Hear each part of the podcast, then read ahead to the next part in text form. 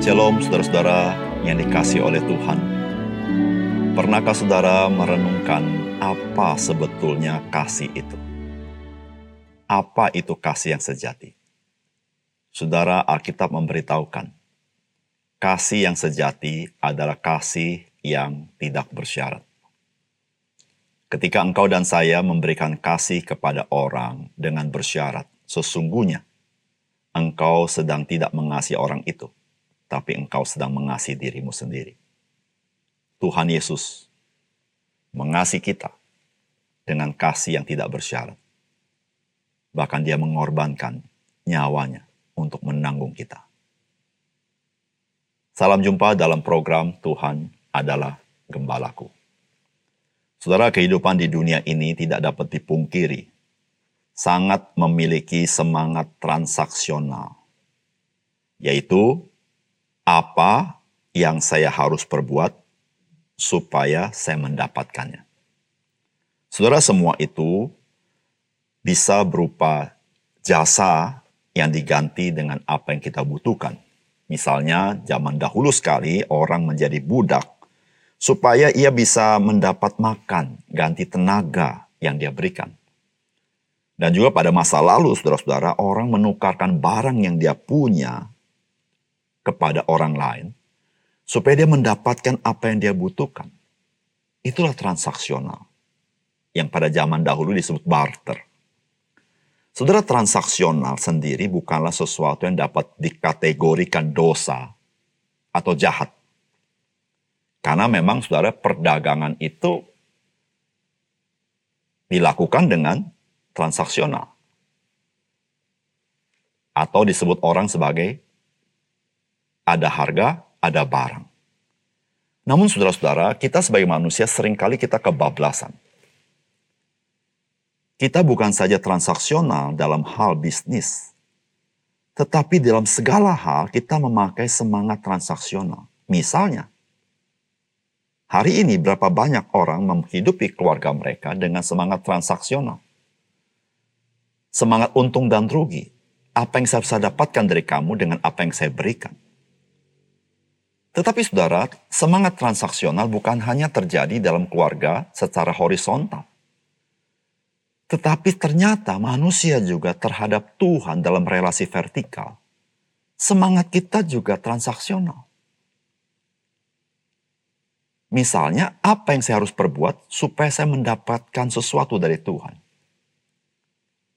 Sekarang ini ada orang berkata, bagaimana ya cara berdoa supaya Tuhan mengabulkan doa saya? Saudara bayangkan,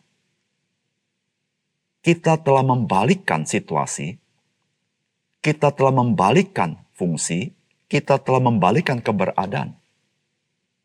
Bukan lagi kita bergantung kepada Tuhan, tapi Tuhan bergantung kepada kita.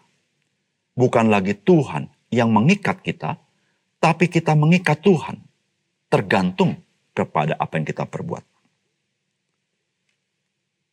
Saudara mari kita membaca firman Tuhan dari Lukas pasal 10 ayat 25 sampai 37. Pada suatu kali berdirilah seorang ahli Taurat untuk mencobai Yesus. Katanya, Guru, apa yang harus kuperbuat untuk memperoleh hidup yang kekal? Jawab Yesus kepadanya, apa yang tertulis dalam hukum Taurat? Apa yang kau baca di sana? Jawab orang itu, kasihlah Tuhan alamu dengan segenap hatimu, dan dengan segenap jiwamu, dan dengan segenap kekuatanmu, dan dengan segenap akal budimu, dan kasihlah sesamamu manusia seperti dirimu sendiri. Kata Yesus kepadanya, Jawabmu itu benar, perbuatlah demikian, maka engkau akan hidup. Tetapi untuk membenarkan dirinya, orang itu berkata kepada Yesus, Dan siapakah sesamaku manusia? Jawab Yesus, adalah seorang yang turun dari Yerusalem ke Yeriko ia jatuh ke tangan penyamun-penyamun yang bukan saja merampoknya habis-habisan tetapi yang juga memukulnya dan yang sesudah itu pergi meninggalkannya setengah mati. Kebetulan ada seorang imam turun melalui jalan itu. Ia melihat orang itu tetapi ia melewatinya dari seberang jalan. Demikian juga seorang Lewi. Datang ke tempat itu, ketika ia melihat orang itu, ia melewatinya dari seberang jalan. Lalu datang seorang Samaria yang sedang dalam perjalanan ke tempat itu. Dan ketika ia melihat orang itu, tergeraklah hatinya oleh belas kasihan. Ia pergi kepadanya, lalu membalut luka-lukanya. Sesudah ia menyiraminya dengan minyak dan anggur. Kemudian ia menaikkan orang itu ke atas keledai tunggangannya sendiri, lalu membawanya ke tempat penginapan dan merawatnya. Keesokan harinya, ia menyerahkan dua dinar kepada pemilik penginapan itu katanya, rawatlah dia dan jika kau belanjakan lebih dari ini, aku akan menggantikannya waktu aku kembali. Siapakah di antara ketiga orang ini menurut pendapatmu adalah sesama manusia dari orang yang jatuh ke tangan penyamun itu? Jawab orang itu, orang yang telah menunjukkan belas kasihan kepadanya. Kata Yesus kepadanya, pergilah dan perbuatlah demikian. Saudara yang dikasih oleh Tuhan, ahli Taurat adalah sekelompok orang di dalam masyarakat Yahudi yang memang fokus untuk mempelajari Taurat Tuhan. Karena mereka memiliki pandangan mendapatkan Taurat, mendapatkan hidup. Saudara, namun kenyataannya bahwa hati mereka tidak dapat ditipu dengan keberadaan mereka seperti itu. Oleh karena itu hati nurani mereka juga menyatakan kepada mereka bahwa engkau tidak pernah cukup untuk bisa memperoleh hidup yang kekal. Saudara, di situlah saudara-saudara, ahli Taurat datang kepada Tuhan Yesus. Memang semangatnya mencobai dia. Namun, hati nurani seseorang tidak dapat dipungkiri. Selalu berkata, engkau tidak pernah cukup. Itulah yang ditanya oleh ahli Taurat. Guru, apa yang harus kuperbuat untuk memperoleh hidup yang kekal? Saudara, apakah pesan firman Tuhan bagi kita? Saudara, yang pertama, saudara kita tidak pernah mampu menerima keselamatan karena melakukan hukum Allah. Karena kita tidak pernah dapat dengan sempurna melakukannya. Saudara pertanyaan ahli Taurat ini, apa yang dia harus perbuat supaya dia beroleh hidup yang kekal? Yang menariknya adalah Tuhan Yesus berkata, apa yang tertulis dalam hukum Taurat, apa yang kau baca di sana? Saudara, karena dia ahli Taurat, maka dia mengerti sekali dari seluruh hukum Allah, maka itu keluar dari dua hukum terutama. Yaitu Alkitab mengatakan, kasihlah Tuhan Allahmu dengan segenap hatimu, dan dengan segenap jiwamu, dengan segenap kekuatanmu, dan dengan segenap akal budimu, dan kasihlah sesama manusia seperti dirimu sendiri. Lalu Tuhan berkata, jawabmu itu benar. Ya karena dia hukum Taurat, ahli Taurat saudara. Lalu Tuhan berkata, perbuatlah itu, maka engkau akan hidup. Saudara pertanyaan yang muncul dalam hati kita. Bukankah keselamatan itu bukan karena kita melakukan hukum Taurat, tetapi semata-mata karena anugerah. Saudara, betul. Ketika Tuhan berkata, "Perbuatlah itu, maka engkau akan hidup." Saudara, Tuhan tidak bermaksud engkau sanggup melakukannya.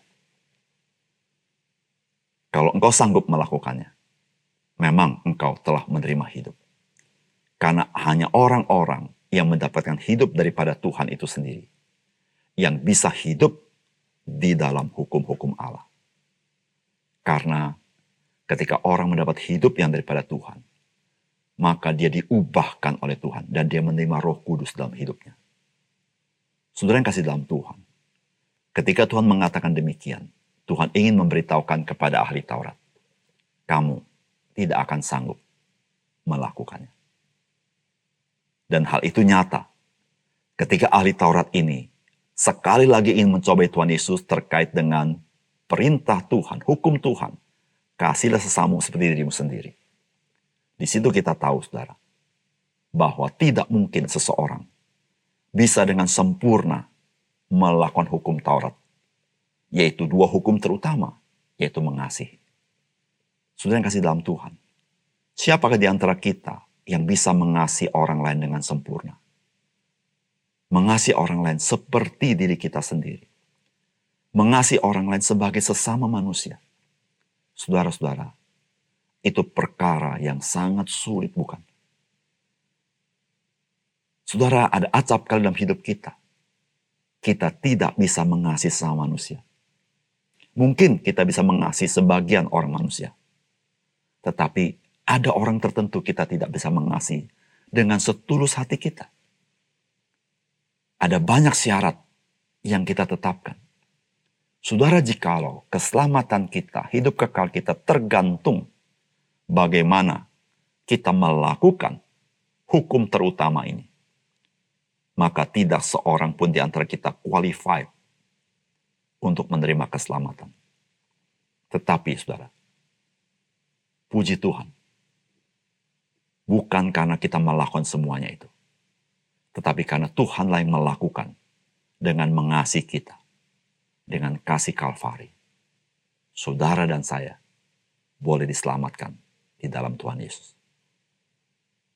Yang kedua, saudara jangan pernah memandang sebelah mata kepada siapa pun. Karena Tuhan dapat memakai setiap orang agar kita bercermin akan diri kita sendiri. Saudara ahli Taurat adalah seorang Yahudi dan dia sangat memandang sebelah mata kepada orang Samaria. Bagi mereka, sesama manusia adalah orang-orang Yahudi sendiri.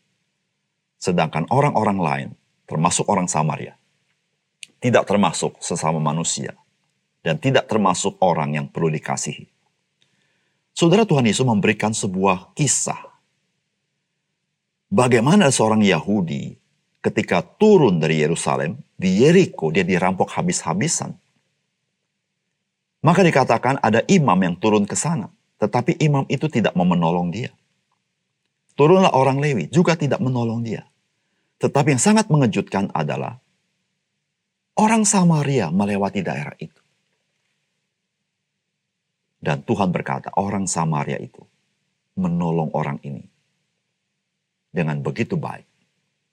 Maka pertanyaan Tuhan kepada ahli Taurat, siapakah sesama manusia daripada orang yang dirampok ini? Saudara, tidak gampang menjadi sesama manusia dengan orang lain. Padahal kita semua adalah sesama manusia. Saudara menjadi sesama manusia kepada orang lain. Itulah yang Tuhan inginkan. Yang menyadarkan kita bahwa kita adalah manusia. Hari ini, saudara, berapa banyak orang yang tidak bisa menjadi sesama manusia dengan orang lain.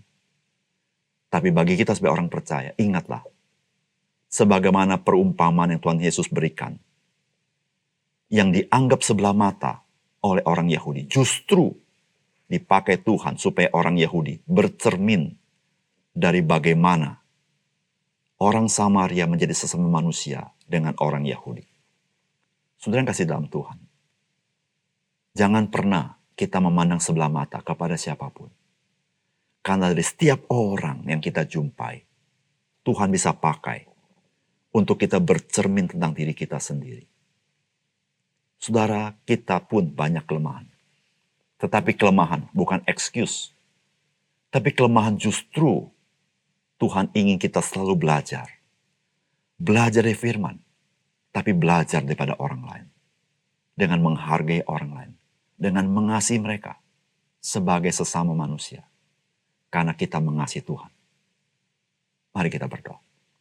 Bapak surga terima kasih karena kasih Tuhan yang begitu indah sehingga kami boleh dimampukan hidup di dalam hukum-hukum Allah yang begitu indah yaitu hukum kasih karena tanpa itu Tuhan, ketika mata rohani kami tidak dicelikan, kami tidak mengerti kasih tidak bersyarat.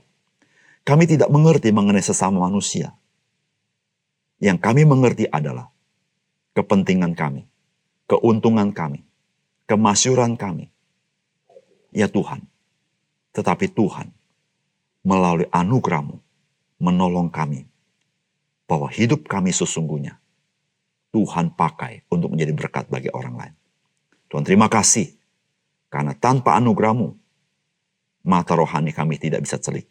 Dan kami hidup terus dalam kegelapan. Terima kasih untuk kebaikan Tuhan. Dalam nama Tuhan Yesus kami berdoa. Amin.